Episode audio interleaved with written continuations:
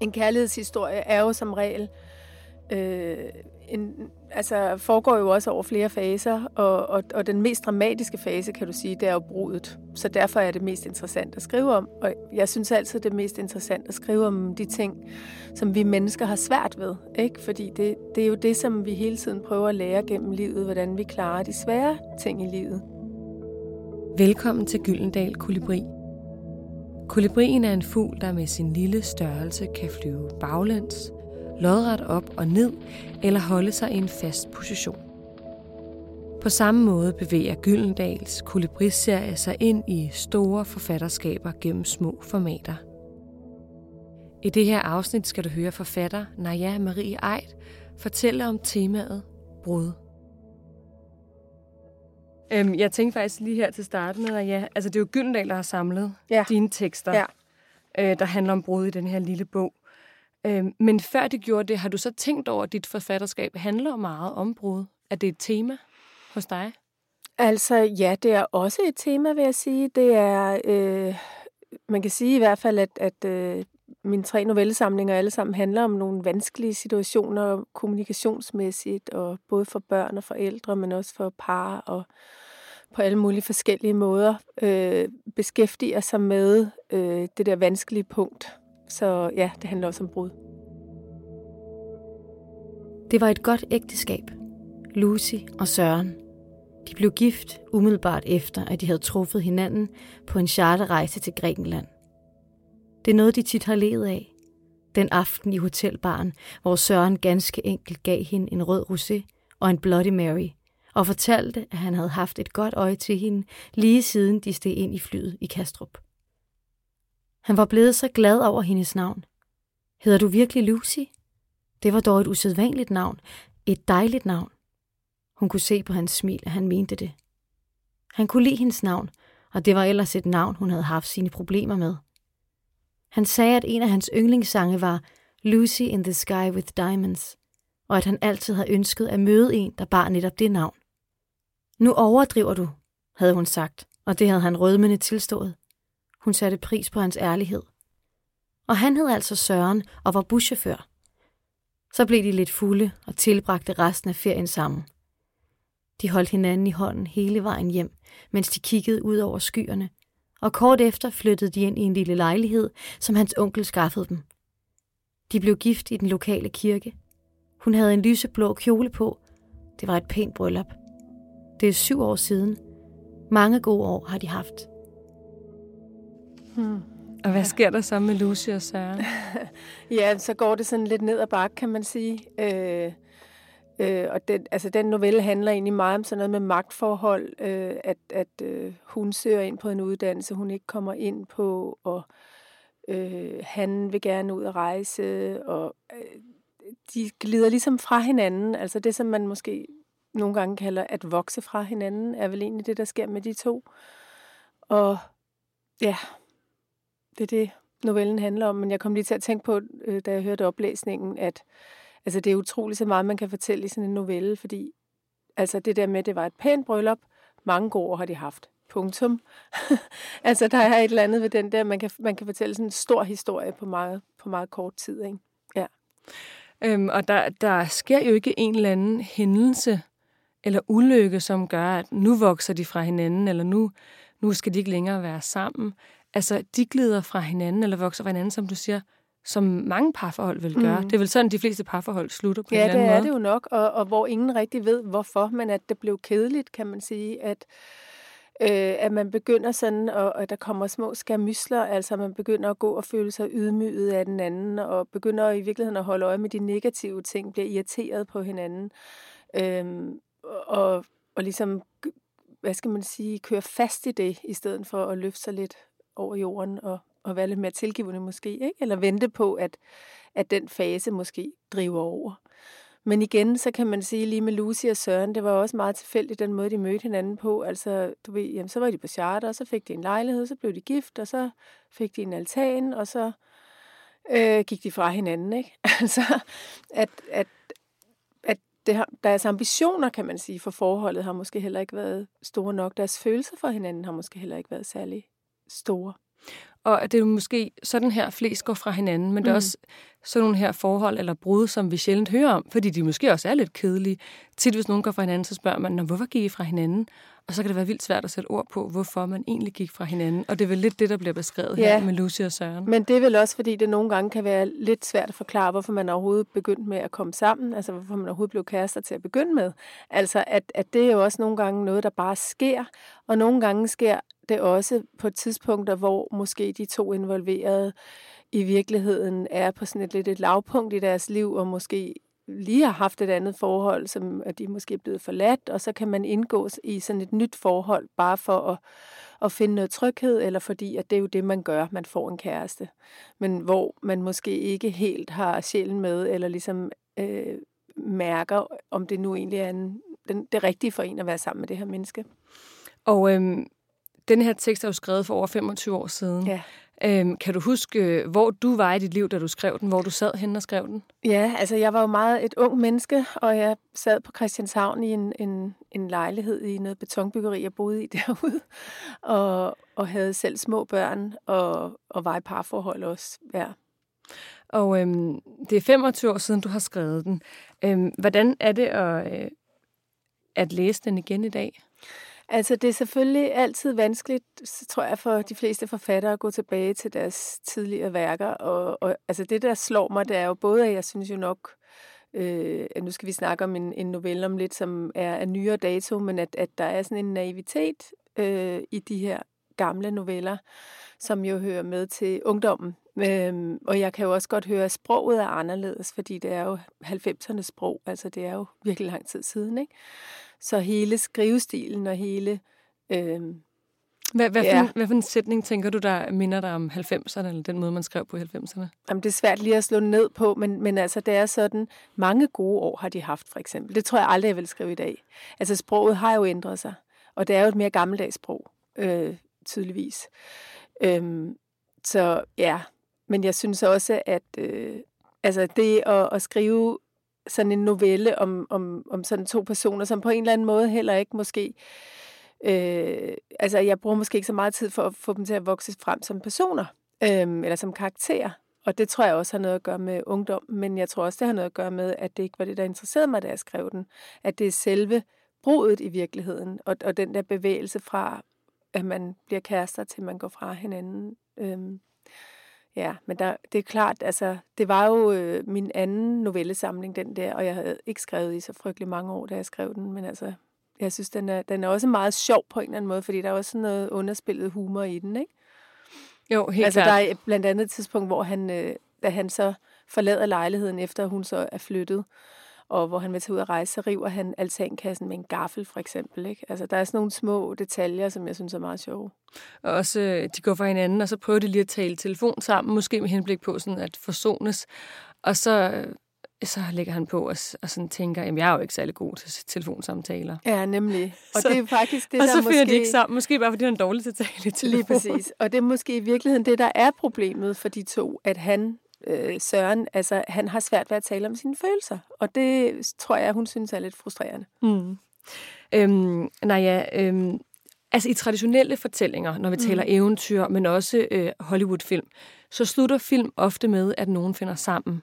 Altså prinsen får prinsessen, mm. og så ved man, altså det betyder, at det er en lykkelig slutning. Ja. Og dine fortællinger, eller nogle af de noveller, i hvert fald i denne her øh, samling af tekster brud, øh, der øh, begynder fortællingen der, hvor de finder sammen, og så går det bare ned ad bakke. Mm.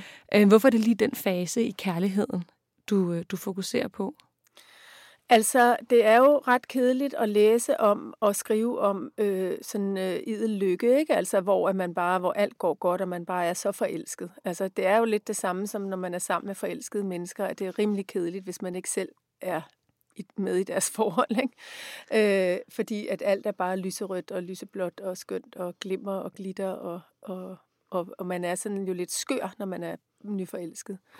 Så, så det kan man godt skrive om, men, men det bliver nødt til at komme ind i en anden sammenhæng, hvor, hvor der er noget mere konfliktstof, kan man sige, synes jeg, fordi en kærlighedshistorie er jo som regel øh, Øh, en, altså foregår jo også over flere faser, og, og, og den mest dramatiske fase, kan du sige, det er jo brudet. Så derfor er det mest interessant at skrive om. Og jeg synes altid, det er mest interessant at skrive om de ting, som vi mennesker har svært ved. Ikke? Fordi det, det er jo det, som vi hele tiden prøver at lære gennem livet, hvordan vi klarer de svære ting i livet. De nemme ting i livet, det kan, gør man jo bare. Ikke? Det, det nyder man jo bare.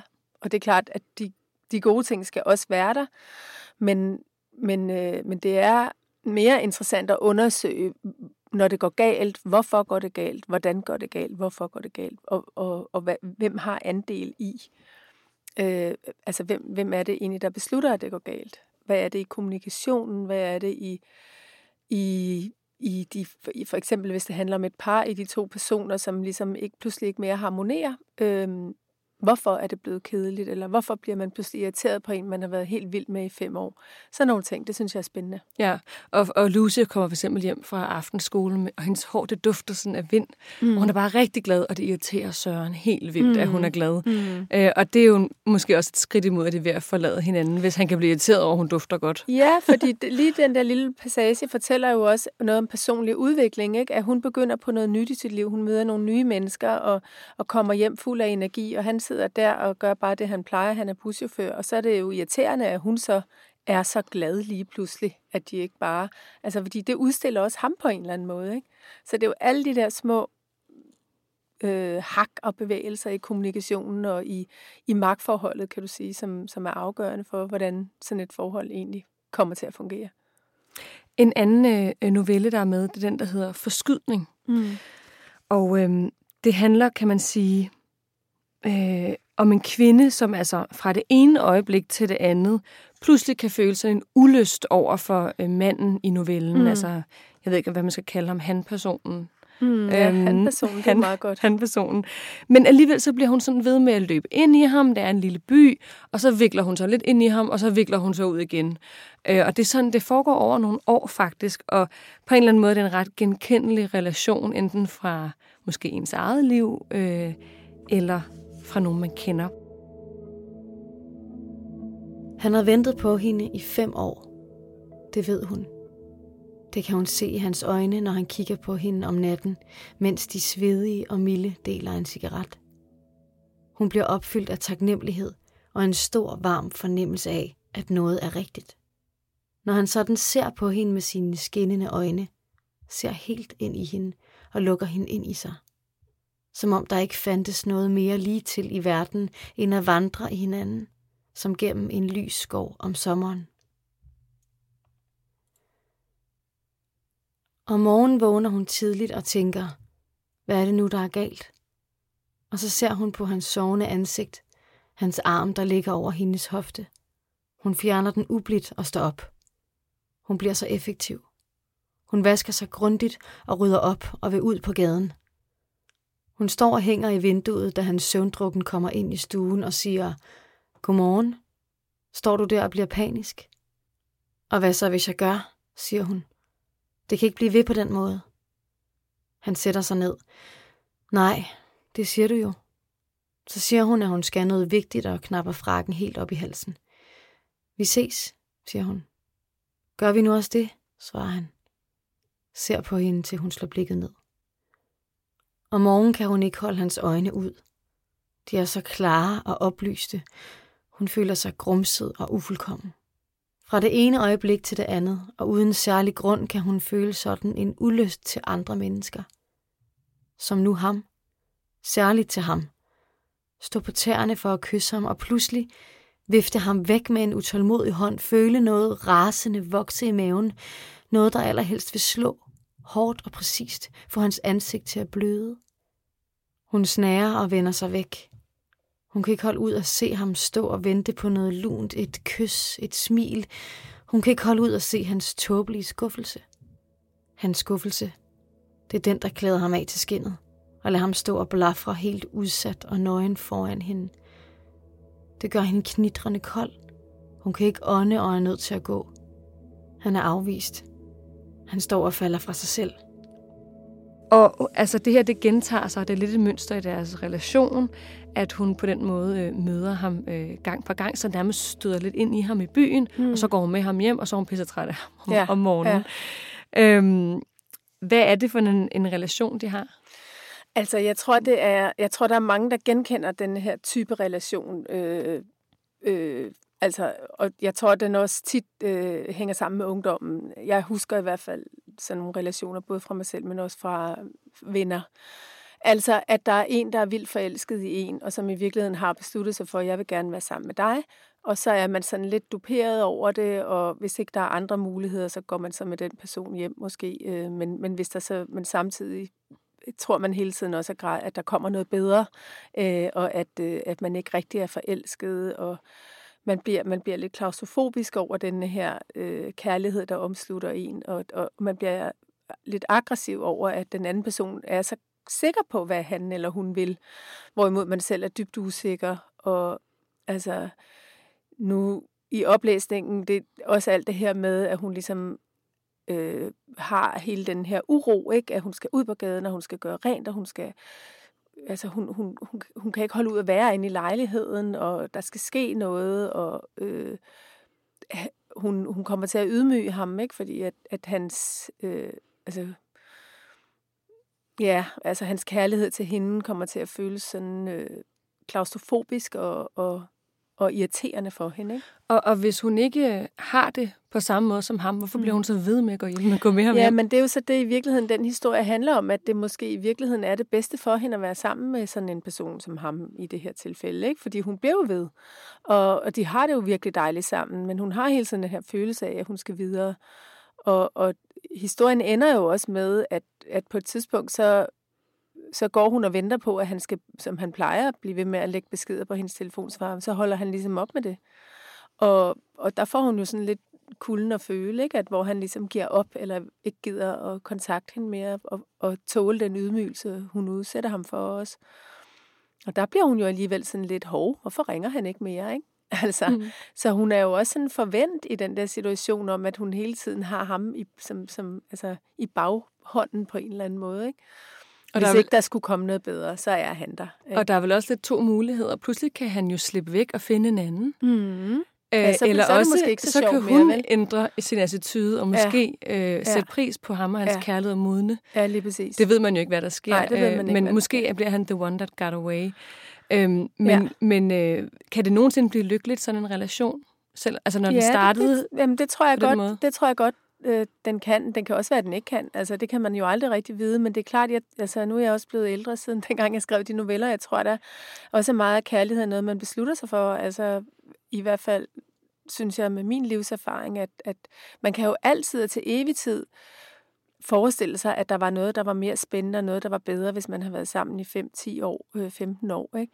og, og øh, kender hinanden så godt, så man kan sige i kæmpe godsøjne, at det bliver kedeligt, men til gengæld så op, kan der jo også opstå et venskab og en utrolig stor, dyb kærlighed, som, som, som er meget mere end forelskelse i de tre måneders forelskelse, som, som det normalt var at være forelsket. Ikke?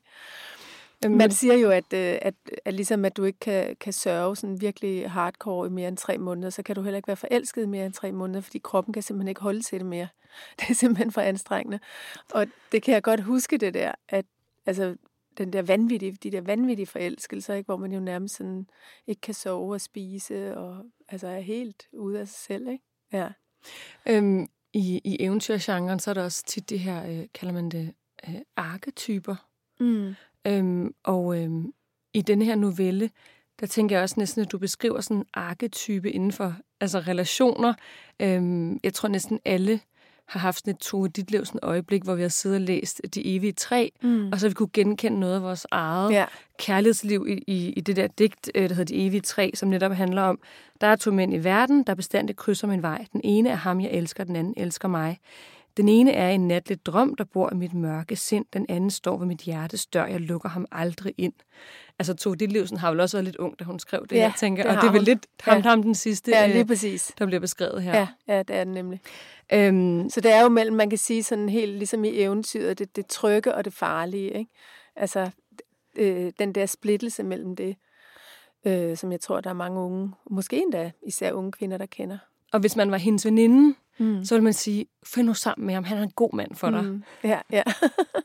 det er rigtigt. Og det kan være, hun først er klar til det, når hun har prøvet en masse andet, Lige og finder præcis. ud af, okay, det er faktisk ham, ja. jeg skal være sammen med. Han og, så har han mødt en anden. Ja. Og så har han mødt en anden. Ikke? Sådan er det. Ja. øhm, hvad hedder det, den næste øh, novelle, der er med, den der hedder Bulbjerg. Mm. Og hvis man går ind på sådan nogle diverse studiehjemmesider, så kan man jo købe analyser af denne her novelle. Øh, inde på en hjemmeside, der fandt jeg en analyse til 79 kroner. Nå, interessant. Ja. Men det er jo sådan nogle, der snyder, sådan nogle ja. snydeopgaver, ja, ja. så man har mega travlt, når man ja. går i folkeskole eller ja, ja. gymnasiet. Øhm, men min pointe er ligesom, at det her det er virkelig en novelle, der, bliver, der er blevet gen, gennemanalyseret og fortolket i 9. klasser og gymnasieklasser og sådan noget. Øh, hvordan, har du det, hvordan har du det med det, at den er blevet analyseret og brugt så meget i undervisning? Det har jeg det fint med. Jeg synes, altså jeg er jo stolt og glad over, at øh, novellerne kan bruges ude i skolerne og, og på gymnasiet. Jeg synes måske, at Bulbjerg er lige en lidt for voldsom novelle til 9. klasser, men, øh, men øh, og, og i virkeligheden vel også til 1. G. Den er jo virkelig brutal. Men altså, jeg er så taknemmelig over, at, øh, at lærere og elever gider beskæftige sig med mine noveller. Og øh, særligt dig og Jan, Jan, Jan Sonnergaards øh, Radiator. Mm. Øhm, jeres noveller er ofte blevet brugt. Hvorfor tror du lige, det er jeres? Har, har du et bud på det?